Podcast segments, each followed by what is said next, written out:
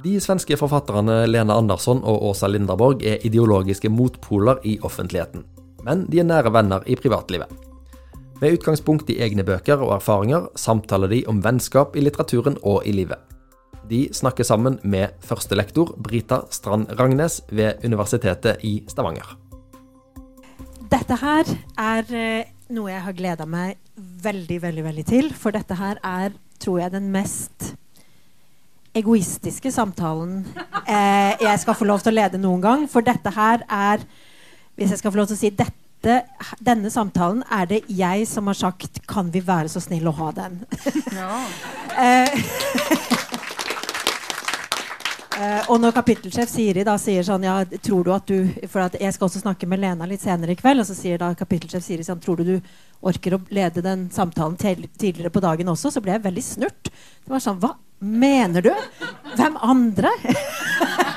så dette er jeg veldig glad for. Og jeg har tenkt og Nå skal jeg si litt nå til å begynne med, og det er også fordi at jeg er redd jeg ikke får sagt så mye etter hvert når dere begynner å snakke sammen. Men jeg skal være litt personlig, fordi at jeg har ikke Åsa og jeg vi har truffet hverandre så vidt nå før uh, denne samtalen, så vi kjenner ikke hverandre.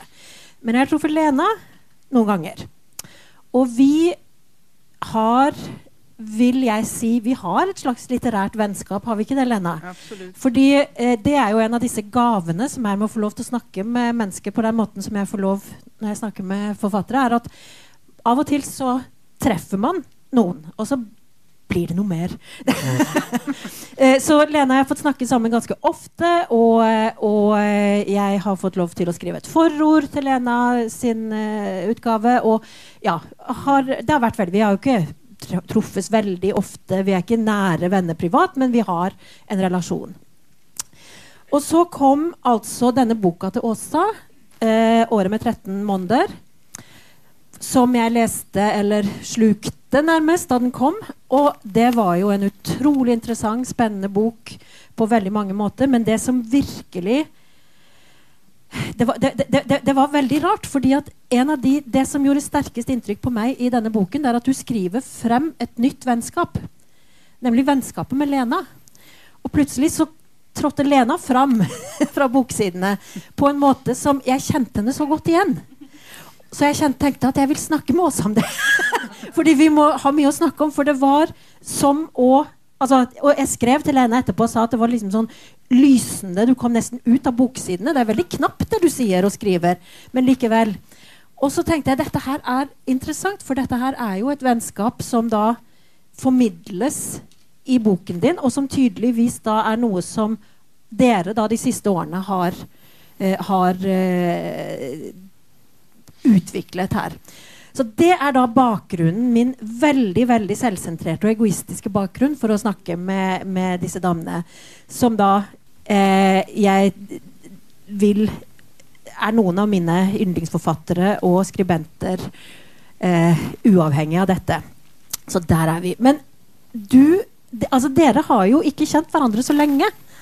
Har dere det? Dere har kjent varandra genom att dere begge har skrevet, dere har varit i polemikk eller varit i ofte blir oppfatta å være på hver sin side i en del sammenhenger, men ikke egentlig hatt en personlig relasjon før dette som du skriver om i boka di. Åsa, jeg lurer på om du bare vil si litt om hva det var som var foranledningen til at du skrev denne boka? Jag har ju följt Lenas författarskap alltid och i min doktorsavhandling från 2001 så citerar jag Lena stort och vackert där. Så Lena är någon som jag hela tiden har refererat till men också som skribent då gått i polemik mot. Och sen hände något, all, något för mig väldigt, obe, först väldigt otäckt. Jag fick ett mejl från Lena eh, och efter många år. Och eh, det var i samband med att jag hade skrivit ett försvar för att en högerpopulistisk tidning i Sverige som heter Nya Tider skulle få komma till Bokmässan. Försvar för yttrandefriheten. Då fick jag ett mejl från Lena Andersson som jag först inte vågade öppna. Jag blev så rädd och sen så tänkte jag att det måste ju vara någon annan Lena Andersson. Det finns ju många som helst. Eh, men sen så såg jag ju på stilen att det var verkligen Lena och jag blev så, jag blev så hjärtligt glad. Blev jag. För det är bland det finaste som finns är att få beröm av någon eh, som man uppfattar som en ideologisk motpol i många frågor. Och sen visar det sig att vi är ju ideologiskt överens kring väldigt mycket. Men det där då, ska jag säga också, det där inträffar samtidigt som hela mitt liv plötsligt skakar till Detta är nu ordentligt. 2017, 2017. i maj va? 2018. Jag fick också mm, jag, via djupa ideologiska samtal, samhälls, eller samtidskritiska samtal men också privata samtal helt enkelt. Vad livet är och vad man kan förvänta sig av kärlek. Men vad var det som fick dig att skriva till Åsa då? Ja, det var ju den här bokmässesaken då som hände 2017 när Sveriges eh, kultursveriges polarisering på något sätt fick sin kulmen och sedan dess har det bara skenat på. Eh, alltså med den här eh, uppropet mot bokmässan som, som skulle tillåta en eh, högerextremistisk eller na- nationalkonservativ eller vad de är tidskrift att ställa ut i en liten, liten monter. Och vi, Kultursverige delades i två läger eh, för eller emot eh, möjligheten att eh, ha ett mäss, mässgolv som var öppet för, för olika åsikter. Eh, och Åsa skrev en väldigt bra. Jag, jag, jag kände mig förtvivlad över denna tilltagande renhetsiver och eh, aktivism som då grep omkring sig den här våren och som hade pågått länge och legat och puttrat länge men här fick det, kom det till en sån här sak där man kunde där det blev väldigt tydligt allting och det var stora upprop och uppror och det var kalabalik. Och då skrev Åsa en väldigt stark artikel i Aftonbladet eh, som jag tänkte att jag måste meddela. Den, den kostar på att skriva en sån artikel så jag tänkte jag måste meddela henne att det här var väldigt bra skrivet. Men Det som händer sen är att sommaren går och Lena hör av sig lite för att jag har genomgått en operation och Lena engagerar sig väldigt mycket med vill veta att jag mår bra. Och så otroligt, Lena är otroligt omtänksam. Men jag är intresserad av Men kroppar också. Ja, det är du. Lena, till skillnad från mig då, så är Lena intresserad av kroppen. Men det som sen händer är att den här bokmässan blir ju av. Och eh, trots att så många bojkottar den. Men vi är en, några av de få författarna som åker ner. Och eh, Lena och jag har 25 punkter var på den här bokmässan. Vi stressar och stressar och stressar. Sista dagen så ser jag Lena i loungen. Fan ska jag, vågar jag gå fram? Hur ska jag göra? Då har vi haft intensiv mejlkontakt. Och ändå är jag lite, lite rädd för Lena. Men jag tänker också, vi är så slut på det att man orkar inte prata med någon sådär. Eh, på en bokmässa när man är, jobbar så, man har så travelt. Men så, så gjorde jag det ändå. Och det som händer efter bokmässan är att två veckor senare så drar ju hela metoo revolutionen igång. Och då hittar vi varann igen. Så det blir en fortsättning på ett samtal som då- började om yttrandefrihet. Och så Och då kommer börja Åsa komma hem till oss, Björn som sitter där och mig eh, på middagar. Och Mm. första gången bjöd, jag på, bjöd vi på tortellini. Och då visade det sig att Åsa var glutenintolerant. Fast det sa jag inte. Jag s- jag har ju ingenting om det. Men, men eh, så här är det. Att, att vi är väldigt, väldigt intresserade av mat. Eh, Både Lena och jag och, eh, och, och Björn. Vi kan ju dagar planera vad vi ska äta. liksom. Och eh, det är så viktigt med mat. Och alltid så här, när jag tänker på Lena och Björn, då vattnas det i munnen. Man får så mycket gott där. Och det är ofta jag som tar mig ut till, till Tensta där Lena bor och äter fantastiskt. Jag måste spørre deg, også, hvorfor var du så rädd för Lena? Det är många som är rädda för mig också ska jag säga. Vi har ju, vi har, vi har ju en offentlig aura båda två av att vi är, är rätt, rätt hårda, debattglada och sådär. Kompromisslös. Kompromisslösa och så. Och sen alla som träffar oss säger, men gud, eh, vad, vad trevlig du är. och, så det, det, har vi ju, det har vi ju gemensamt faktiskt, att folk blir lite förvånade när de träffar oss på riktigt. Nei, For jeg også var, det husker jeg når jeg skulle intervjue deg første gangen, Lena, så da hadde jeg jo ikke møtt deg, selvfølgelig. Og så, og så da leste jeg meg jo opp, og så bilder på nett, og sånn, så tenkte jeg åh, her kommer jeg til å falle igjennom. Dette kommer ikke til å gå bra. For der var du alltid så Du var så eh, alltid eh, put together, som man sier på engelsk. Du hadde disse eh, veldig skreddersydde, fine klærne. Du var liksom på plass. Og, og du, du, du så liksom Og så var du alltid så klar. Så tydelig. Og så tenkte jeg, men det er jo ikke jeg. jeg er jo ikke det. sant? Men så eh, opplevde jeg jo da, akkurat som deg, altså en, en, et enormt omsorgsfullt menneske. Og samtidig også noe av det som var eh, veldig spennende, det er jo også både denne klarheten, gjennomtenktheten, men også et utrolig anlegg for en evne til å lytte. Og høre på noen før du uttaler deg.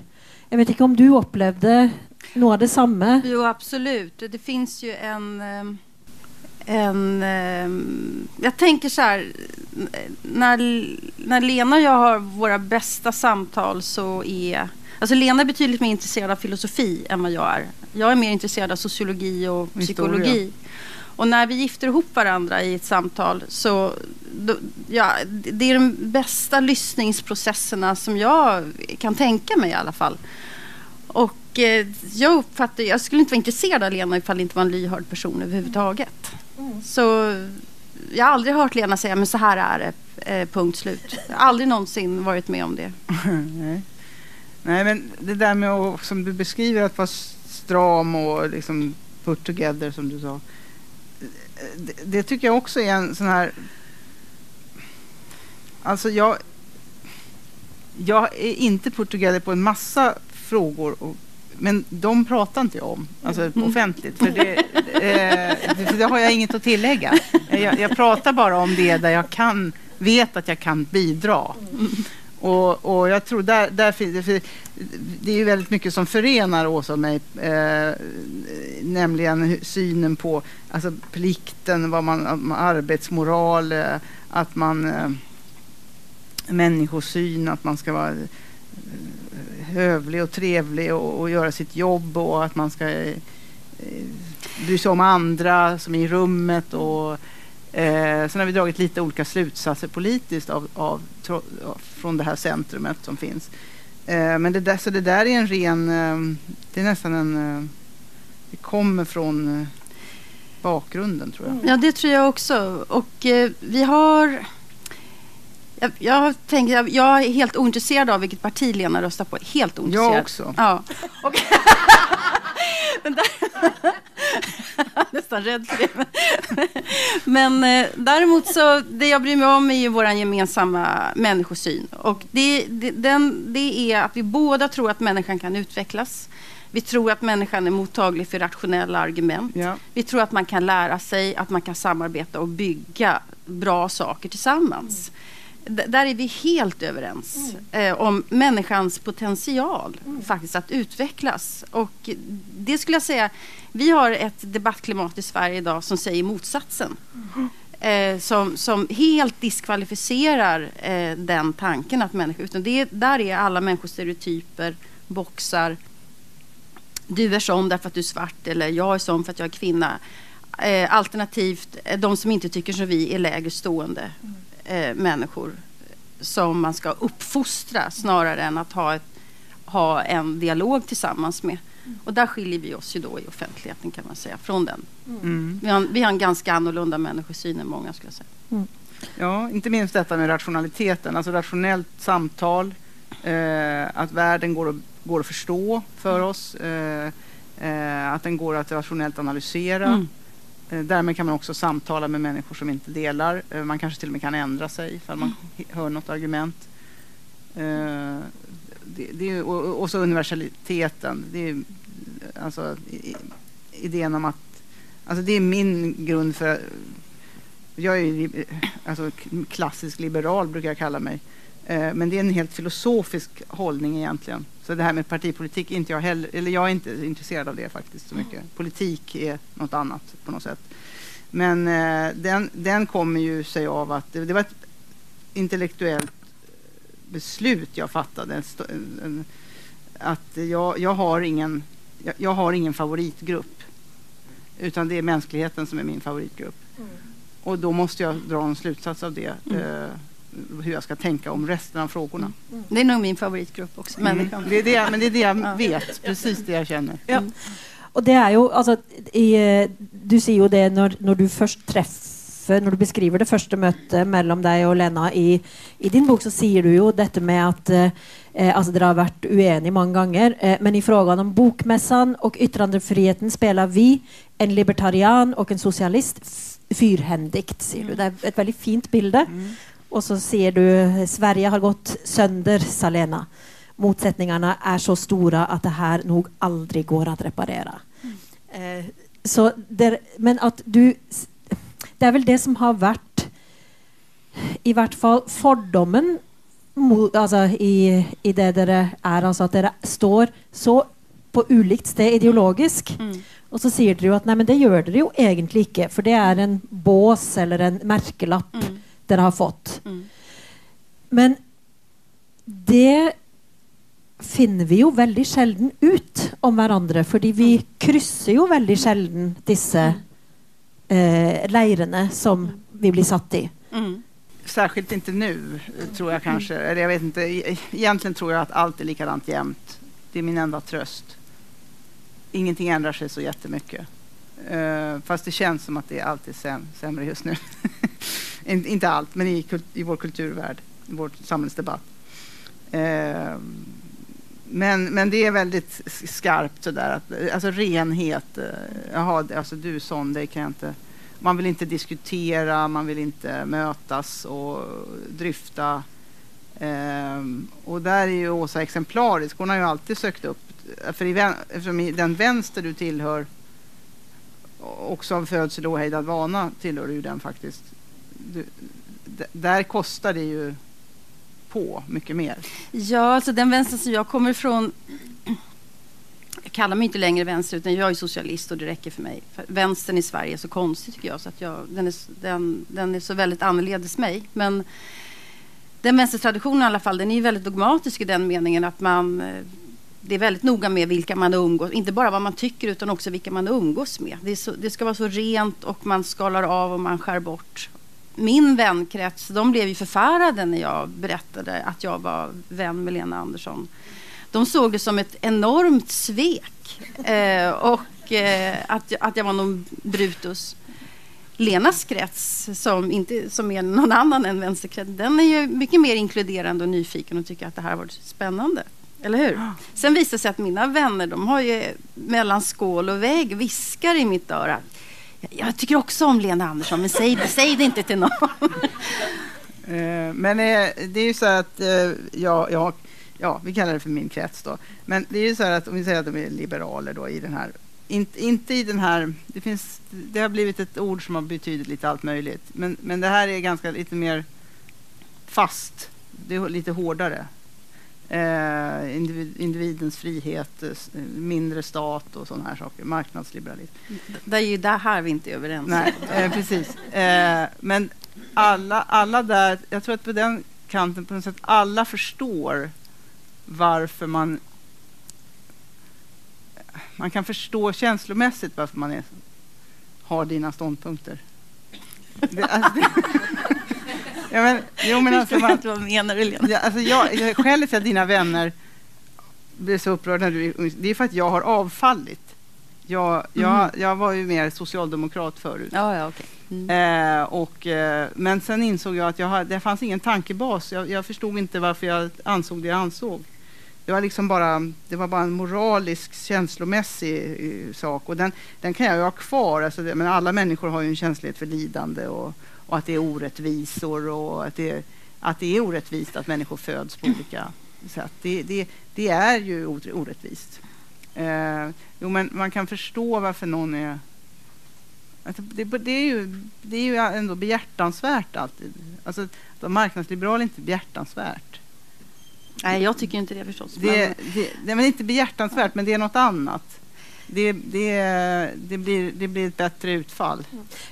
Behjärtansvärt, vad, vad, för oss norrmän, kan du förklara det? Ja, men alltså, man, det, det,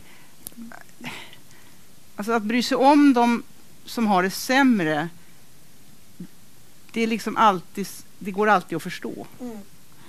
Det, det, går aldrig, det, det går aldrig att säga, jag förstår inte vad du pratar om. Mm. Alltså det, det förstår hela mänskligheten. Därför är den här rörelsen stark. Mm. Och eh, kristendomen är stark. Och, så, men det jag tycker det är det som... Jag tänker nu när du, prat, när du pratar Helena och jag, och jag säger så här att eh, man har, man har ju väldigt starka åsikter om både Lena och mig i Sverige. Väldigt, väldigt starka. Alltså vi, vi är otroligt kontroversiella. Men vi har någonting gemensamt här. Vi har gjort samma båge, vill jag ska säga. Jag kom ju 2007 ut med eh, Mig äger ingen, där jag nästan blev folkkär. Samma sak med Lena med egenmäktigt förfarande. Alltså alla kritiker bara åh, fantastiskt. Eh, vi skulle ju både Lena och jag kunna liksom nöjt oss med det där och liksom mm. smitt vår guld mm. Eh, mm. och eh, tänkt så åh vilka författare vi är. Eh, men vi sätter allt på spel genom att eh, slåss för våra åsikter som är allt annat än kommer få i Sverige i Dagens Nyheter respektive Aftonbladet. Vi sätter allt på spel och blir otroligt kritiserade för det här. Och det, den resan har vi gjort båda två. Och den, den är lite, psykologiskt lite svår att förklara för de som inte har varit med om det här. Men det gör någonting med en faktiskt. Mm. Och det har vi gemensamt. Vi pratar kanske, inte om det så mycket, men man kanske också vi, det dunkar rädd, ju mellan oss. Liksom. Man kanske också är rädd för att bli så där uppskattad. Ja, precis. Älskad. Alltså, det är något ja. otäckt med det, för det är ju farligt. Det är lite farligt, för man vet att man ändå alltid kan bli lämnad. Ja, och extas, mm, extas mm. är farligt, mm. för den är inte rationell. Lena vill inte tappa kontroll. det vill inte jag heller. Vi, vi, ja. Eh, men det är ju... Eh, alltså, för mig så, som ser detta från utsidan mm. och som inte är i denna svenska... Alltså, jag visste ju inte hur kontroversiell Lena var för länge efter att vi hade börjat att mm. snacka samman. Och, eh, så, men det som, det som eh, blir tydligt för mig är ju det som du säger, alltså, det har närmat er noen prinsipielle spørsmål fra hver deres side, mm. og så har dere gjort dere like, eller i hvert fall en slags parallelle erfaringer og litt parallelle omkostninger. Og det var jo særlig da i det du beskriver her, dette når metoo da eksploderte i Sverige, hvis vi kan mm. bruke et så sterkt uttrykk. Og da ble det jo en slags Kan vi kalle det forsøstring? Eh, mm. i en, i en alltså att det intog principiella standpunkt mm. som var väldigt vanskelig att stå i för dere bägge, men mm. hvor dere likevel fant varandra i det. Ja, absolut. Jag tror mycket där bottnar väl i eh, vår gemensamma människosyn att eh, eh, både Lena och jag tycker att det är viktigt med, med jämställdhet. Och det, det, det måste, ofta när jag pratar med Lena så är det så att hon är arg på någonting som hon tycker att någon har sagt som är direkt kvinnofientligt. Det kommer, det, det kommer ofta från att det här är kvinnofientligt, det här är misogynt och så vidare. Eh, så vi, vi, vi är absolut båda för jämställdhet på, på alla sätt. Men vi har ju också den här människosynen att även kvinnor kan ha ett ansvar i vissa situationer. Och det var det vi tyckte att metoo inte riktigt tog fram. Utan det blev så ensidigt. Eh, att eh, det blev så instrumentellt. Han la handen på min rumpa. Eh, och så finns hela för, förhistorien om den här mannen och kvinnan och så vidare. Och vad gjorde kvinnan då och så. Där, där, där blandade vi ju samma människosyn. Man måste också kunna prata om kvinnor i det här. Mm. Och det gemensamma ansvaret för vissa situationer. De här gråzonerna tycker vi är, är mer spännande egentligen än det juridiska. Vad får man göra och inte göra? För det mesta går ju inte att reglera juridiskt. Utan då handlar det om ett mänskligt samspel. Och, och det tyckte jag var väldigt intressant att se hur en liberal och en socialist som jag kan hitta varandra. Men historiskt sett så andas ju liberalismen och socialismen med samma ideologiska mage mm. från upplysningen. Det. Och det, det, märker jag ju när vi pratar. Helt enkelt. Och, och metoo, om vi ska ta det bara för ett ögonblick, så var ju det just en favoritgrupp som, fanns, som utkristalliserades här. Det var, det var en, en, en grupp som hade företräde i tolkningarna. Och eh, jag kan helt enkelt inte med det. Jag, det går inte. Eh, därför att så ser inte världen ut. Vi, vi, vi, eh, det, det är inte bara en, ena sidan som, som deltar eller som ska granskas. Ehm, det, gäller, det gäller många av de här i, alltså, senare års eh, akademiska um, rörelser och intellektuella rörelser. Det är att man tittar på en grupp och, tolk, och forskar om hur den har framställts. Alltså det kan vara postkolonial uh, teori eller det kan vara eh, feminismen eh, i, i, en viss typ av skepnad. Eh, så, så, och, och metoo var verkligen så att dels en sorts tillbakagång tycker jag till att kvinnan är svag och skör eh, och hjälplös. Eh, och i, i grund och botten heller inte vill ha sex. väldigt sällan i alla fall. Mm. Det är en ganska konservativ kvinnosyn som Utan kom fram att- i Sverige. Faktiskt. Utan att det redovisades. Ja. Ja. Alltså, hon skulle beskyddas och eh, det var de mest fantastiska påståenden. Att var, alltså det, det, inte påståenden utan det andades ofta i olika artiklar och utsagor. Var var männen som kunde ha skyddat den här kvinnan från Mm. den där mannen? Mm. Alltså en ridderlighetsideal som jag inte kan tycka gynnar kvinnan. Jag ska också säga att metoo-rörelsen i, i Norge den har ju varit annorledes än i Sverige. I Sverige så har det... Alltså, jag har inte koll på det på samma sätt som ni har naturligtvis. Men jag skulle säga att de fall som ni har haft har ju varit tydligare ofta än, än i Sverige. Där det har, det har var en, en förfärlig press, pre, förfärliga pressetiska övergrepp och eh, eh övergrepp i rättssak och så vidare som som också hör, hör, hör samman med metoo. Men jag tror ju att jag, eller jag vet ju det, att jag, har ju, jag är lite mer feministiskt lagd än, än vad Lena är.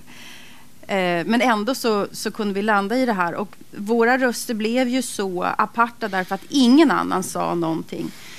Eh, jag tror att om det hade varit fler som hade problematiserat metoo i Sverige så skulle kanske Lena och jag skrivit lite annorledes än vi gjorde båda två. Men vi var ju tvungna att rada upp alla argument där vi menar här, här är fel, här är fel, här är fel. Därför att ingen annan gjorde det.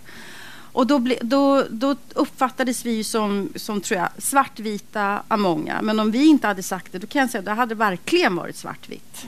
Eh, vi kom ändå in med no- nyanseringar som när jag läser igenom våra texter så här i efterhand kan jag tycka att vi skulle kunna, båda två skulle, lite annorlunda kanske vi skulle ha skrivit. Men hade vi inte skrivit det här så hade det blivit, eh, eh, det, hade, det hade ingen sagt Nu någonting. får vi ta sen vad du menar med det. Men der er vi jo eh, altså For dere har jo stått i Altså fått veldig mye kritikk eh, for det dere har gjort. Og det har dere jo da eh, opplevd veldig dette med hva skjer med debattklimaet vårt, og hva skjer med dere som skribenter, som debattanter? Altså Har dere merka noe eh, Alltså, i ettertid? man måste ju få kritisera, alltså, naturligtvis har de alla rätt att kritisera oss, eh, i, i, inga konstigheter med det.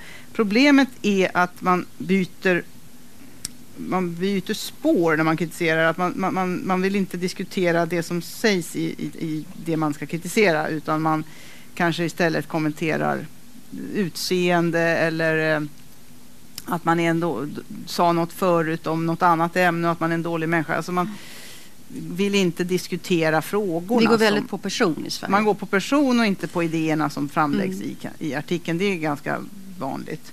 Och det är väldigt tröttsamt eh, att det är så. Men jag skulle vilja lägga in en sak här. Folk blev förvånade eh, över att jag som hade skrivit egenmäktigt förfarande och utan personligt ansvar, de här böckerna om Ester, eh, kunde inta de här ståndpunkterna i eh, Rättsstridig förföljning, heter den på norsk. Eh, i metoo. För mig är det, det är precis följdriktigt. Alltså, eh, jag, det, är exakt, det var exakt därför jag skrev egenmäktigt förfarande. För att Ester är egentligen, alltså hon, hon, är, hon skulle ha blivit metooad. Definitivt. Eh, ja, så att, så att eh, det, det, för mig är det alldeles konsekvent. Eh, och inte bara för mig utan det är konsekvent. Därför att jag menar att man, man måste titta på förhistoria och efterhistoria och vad som sägs däremellan. Och det, som in, det kan inte bara titta på, skära ut en händelse så här. Utan det är intressant vad någon sa förut. Hugo är inviterande. Han, tar, han säger aldrig nej.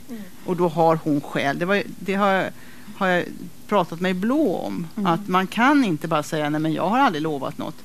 Handlingar är också löften. Så detta, det var det för mig som jag tyckte att metoo brast i Ja, igen. Att jaha, utan vi ska bara titta. Ja, det titta bara på den instrumentella handlingen. är ju det som man bara diskuterar. Mm. Men du, og altså, når du nå trekker fram Ester og, og eh, bøkene om henne, så tenker jeg altså for at vi, det, eh, Tittelen på dette arrangementet her er jo 'Litterære vennskap'. Og på et vis så er jo også det litterære vennskapet dere har, altså det kommer til syne i boken din osv., men det er jo også noe som, som altså Du sier du har satt veldig pris på Lenas romaner. Mm. Og en av de første gangene dere møtes i boken din, så trekker du sammenligning, eller da sammenligner du deg nettopp med Ester. At dere på en måte blir kjent gjennom også gjennom at du oppfatter deg selv veldig ulik Ester. Og Ja, men det är en speciell scen. Alltså, mm, nej, jag, jag känner inte igen mig. Alltså, snarare är jag ju Esters motsats, skulle jag säga. Det är det som är poängen. Att, eh, den här boken handlar ju bland annat om att jag eh, blir lämnad av min 17 år äldre man som jag levt med i åtta år. Och eh, jag bara låter honom gå. Och så träffas Lena och jag. Vi sitter på krogen och Eh, så, så, så säger Lena någonting bara, men lät honom bara gå eller någonting sånt där. Och så säger jag, jag är inte som din Ester Nilsson precis. Säger jag då, som bara som aldrig kan släppa, släppa taget. Nej, hon skulle inte ha släppt sådär. Nej, jag, jag Ester Nilssons totala motsats kan jag säga i sådana frågor. Mm. Det skulle ha blivit räfst och rättarting. Ja. Så, så är det. Mm. så er Och till det saken hör också att du frågade på den, vid den middagen på det där, det var, vad heter den? Bläcktornkällan, Bläck-. Södermalm. Då, där Vill du ha ett glas fint till? Nej, men jag tar gärna en efterrätt, säger jag. Det, det är Just det. också mycket emblematiskt. Jag tar hellre efterrätt än ett glas vin till. Alltid. Jag är tvärtom då. Men der er vi jo også inne på altså, Dere er jo eh, Som sagt, jeg hadde jo ikke møtt deg før, men, men jeg var jo da jeg leste boken din, så, så var jeg veldig fascinert over noe som for meg fra utsiden, og også gjennom boken din, virker som to veldig ulike personligheter som finner hverandre altså nå, nå, nå tenker jeg bare når man ser dere fra utsiden, og det er helt åpenbart at det ikke er tilfellet. Så er det en scene som eh, vi snakket litt om i eh, Vi tok en kaffe før, eh, før samtalen, hvor dere eh, Da karakteriserte jeg dere som eh, to av verdens fremste intellektuelle i stedet for eh, to av Sveriges fremste, men det var vi egentlig veldig fornøyd med. Så ja da, det er bare så dere vet det. Dere er i veldig godt selskap i dag. Ja. Så dere, to av verdens fremste intellektuelle, eh, sitter da Sitter da hjemme hos, eh, og- hos Lena på, eh, i Tensta. Lena ligger i soffan ska jag säga. Ja. Og det dere gjør da, som sagt Verdens to fremste intellektuelle. Dere ser altså Melodifestivalen, Grand Prix. Det, det er det som skjer. Og det er altså det året Björn är med också. Ja, Bjørn er også med. Ja men- Tre av verdens fremste intellektuelle. Beklager. Tre. Og så vinner altså Israel, og så er det, så er det altså en reaksjon her som er så kost... Altså, som, som er, det, er, det er som en, en, en liten roman eller en liten filmscene. For da blir du så sint. Nej, men jag skulle nog... Alltså, nej, jag är, inte, jag är inte arg på att Israel vinner. Sådär. Alltså, jag, är ju, jag är som det heter på svenska Palestinavän, det förfärliga uttrycket. Det var, inte det att de vann, utan det var att, att segertjejen hon skrek See you in Jerusalem next time, alltså inte i Tel Aviv. Och det här att man ska flytta hela huvudstaden, hela Donald Trumps politik. Och det var, jag blev så jävla... fa- Far åt helvete, skriker jag, hoppar upp ur soffan. Oj då Silja! Och ligger kvar. Oj då. Ja men så, så går det till. Jag tänkte vi skulle ha en opolitisk trevlig stund. Eh, nej, men jag har aldrig engagerat mig eller satt mig in i... eh, jag har satt mig in tillräckligt i den frågan för att inse att jag kan, det går inte. Jag kan inte. Nej, den, är, Den är för svår. den är ju hopplös. Eh, Yes. Så att jag har ingen... eh, och, och sen Jerusalem för mig, då tänker jag på Jesus. Ja, då, då, då kan ju du säga far åt helvete å andra sidan. Du kan ju bli lika arg på det. Så att eh, ja, det, det, är inte la, det är inte laddat. Eh, jag vet att det är laddat. Men grejen jag är- förstår det med Ja, huvudet, men inte, jag kände inte att det var laddat. Men Lena kan också bli väldigt sint. Alltså hon, eh, alltså i, i situation, hon kan ju vara Ja. väldigt sint på samtiden och vad någon har skrivit och sådär. Så att, Rasande, Du, du, är ju inte, du är inte lagd för svordomar som jag är, men du kan ju vara riktigt rasande. Nej, och då, brukar jag, och då brukar jag säga till Åsa, vem ska jag ringa Ja, vem ska jag ringa säger för att tala dem till rätta? Jag skulle vilja kontakta någon så att det, blir, så att det ändrar sig. Ja, Jo, det måste ändras. Det måste ändra på det som är fel. Det är min starka drivkraft. Men i det lilla, jag vill inte ha revolution. Jag är ju inte alls revolutionärt lagd överhuvudtaget. Det trodde jag att jag var, men jag är inte det längre. Nej, Inte efter metoo kan jag säga. Eh, Det kan verka otäckt. Precis, så att ehm, jag, jag vill ändra i det lilla, det som, är, det som är överblickbart och går, och, går att ändra efter också en, där det inte är farliga ändringar. De är inte, jag vill ändra väldigt mycket, nästan allting. Alltså jag, när, när, när, jag, jag, när jag ser på tv brukar jag säga, Åh, ska jag behöva bli stadsplanerare nu också? Alltså jag, har, jag har väldigt mycket idéer om hur det borde bli lite bättre allting. Men det är överblickbart, det jag vill ändra. Små steg. Ja, ja. och, ja, och i det lilla alltså. Mm. De behöver inte vara små, men, men det är inte det på global, det är inte de här jättetagen om världen som jag... Sier du at du også nærmer deg dette? Åsa? Nej, det gör jag inte riktigt. Jag skulle vilja ha en helt annan värld än den som är nu. Faktiskt. Jag vill inte vara med när det sker bara. Men jeg må jo spørre deg, Lena. Altså, eh, når eh,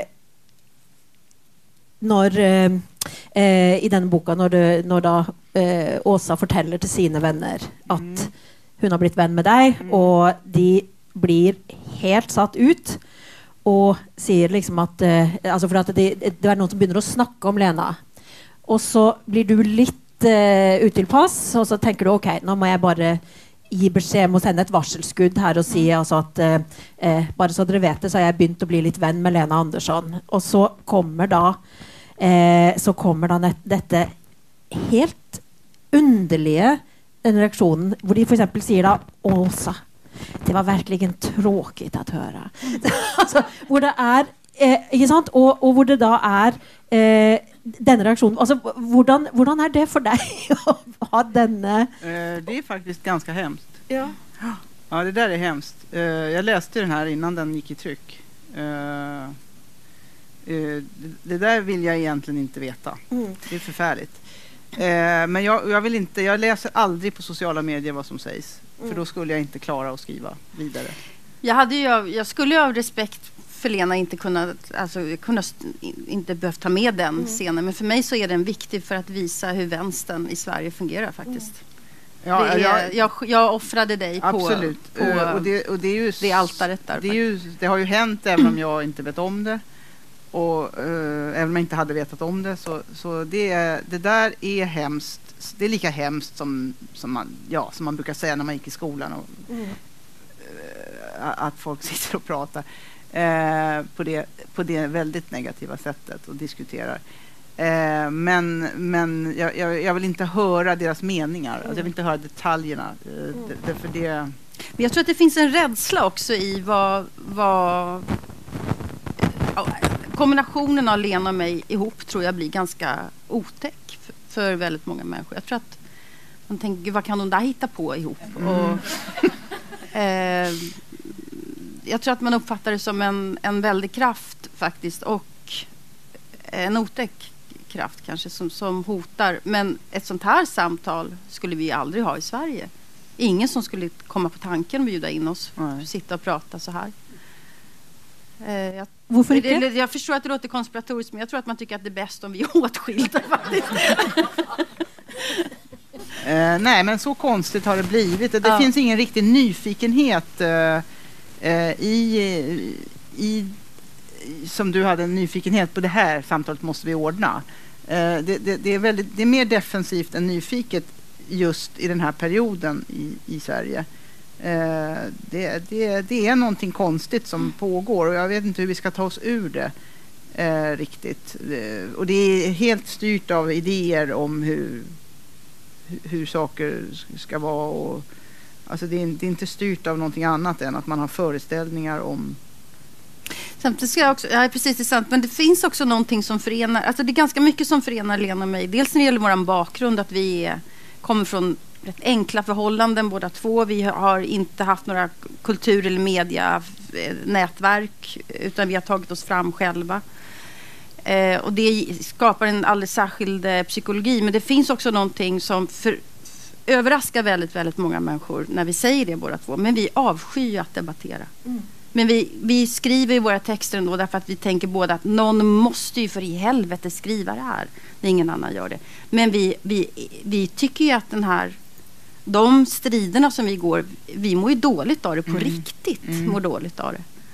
Och ibland så är Lena sig in i diskussioner som alltså klimatet nu senast. Liksom, så jag skulle aldrig kunna hjälpa henne där, för jag förstår inte frågan. Jag kan ju hålla på med utrikespolitiska frågor som Lena aldrig skulle lägga sig i. Just. Så vi kan ju liksom inte riktigt hjälpa varandra heller, eh, mer än i vissa frågor då. Men, och det är inte heller så, så som vi ser på vår vänskap, att vi ska hjälpa varandra.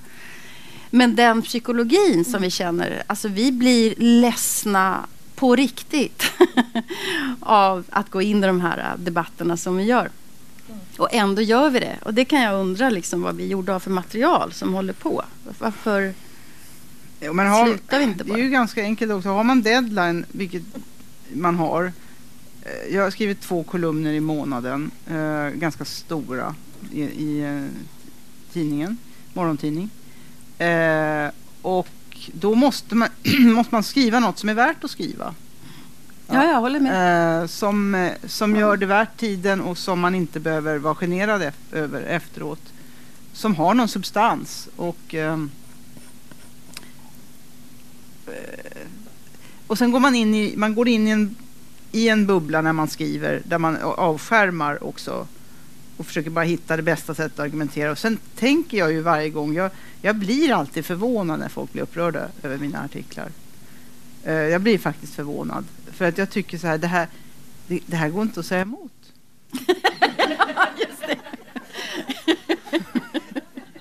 Det här, det här är väl genomarbetat. Det här är, jag har gått igenom olika argument. Eller säga emot kan man alltid göra. Men det här finns inget att bli upprörd över eftersom jag redovisar argumenten. Mm. Jag ska snarare säga så. Jag förstår att det finns olika ståndpunkter. Man kan nå fram till olika resultat från olika premisser. Men det finns inget att bli upprörd över. En av de tingene som jeg eh, har tenkt veldig mye på, eh, som, dere, altså, som deres vennskap har fått meg til å tenke ganske mye på, det er jo dette med En ting er det offentlige rommet, det er dette klimaet som er Men jeg tenker også Hvordan står det til med våre private vennskap? Altså jeg tenker, Er vi flinke nok som mennesker til å faktisk omgi oss Mm. og tåle mennesker som nettopp utfordrer oss, og nettopp finne ut det som dere har funnet ut.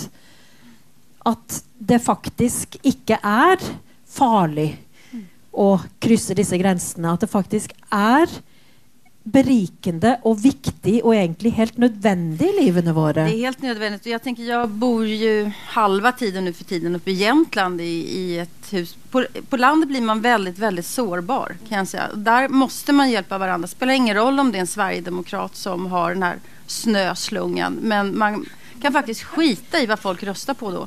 Eller vad de tycker och tänker. Man måste samarbeta och det är otroligt lärorikt att bo där jämfört med att bo på Södermalm. Där man bara kan välja att umgås med de som, som tycker som en, som en själv. Men jag märkte det under det här året som jag beskriver att eh, jag har alltid tänkt på mig själv att jag är starkast i världen. eh, för jag har klarat av så mycket trassel sedan jag var liten. Men ingen människa kan leva bara av sin egen kraft. Det går inte. Och då, jag hade en enorm hjälp av, av Lena i det här otroligt jobbiga året och är också så glad över att den här vänskapen har, har fortsatt. Och oftast när vi pratar så är det ju... Vår vänskap är inte ädlare än så. att Väldigt mycket är skvaller. Vi utbyter information om kulturbranschen, medmänniskor, folk. Sen är det idékritik, men sen är det ju också existentiella frågor. Vad livet går ut på, vad åldrandet är för någonting. Ja, och vi- vad det innebär att vara kvinna Vi faktiskt. ska ta, vi jag har ju sagt att vi ska ta en promenad och så ska jag prata med dig om det här. Du skriver om åldrande. Mm. För att eh, det måste du hitta ett annat Det är helt reellt, Lena, att vi åldras. Ja, men det vet jag väl. Men det är som Sokrates säger att livet handlar om att lära sig dö. Ja, jo, det är sant. Så eh, Og jeg vil være med på denne turen. Jeg skal være med på denne turen! Vet du hva, jeg trenger ja, dette, Lena. Ja, men vi måste hitta ett förhållningssätt. För Åsa skriver väldigt mycket om åldrande i den här boken. Jag tror att vi kan ta oss ur det här. Nej. Åh, nå gleder jeg meg sånn til å, at dette skal bli løst. Det, det skal bli Då har så vi blivit en timme äldre nu. Ja. Åh, eh, det som Når jeg leste denne boken på nytt nå også, så, så oppdaget jeg faktisk Jeg leste noe som jeg ikke hadde lagt merke til da jeg leste den første gangen. Det var rett og slett etterordet ditt. Mm. Hvor du da hvor jeg ser Der har du jo skrevet nøyaktig det jeg tenkte da jeg leste denne boken. Året med 13 måneder er også en berettelse om vennskap, gammel og nyvunnen. Og Det var det som var det sterkeste for meg i denne. Det var nettopp det, og det har selvfølgelig veldig mye med Lena å gjøre, men med din måte å fremstille på.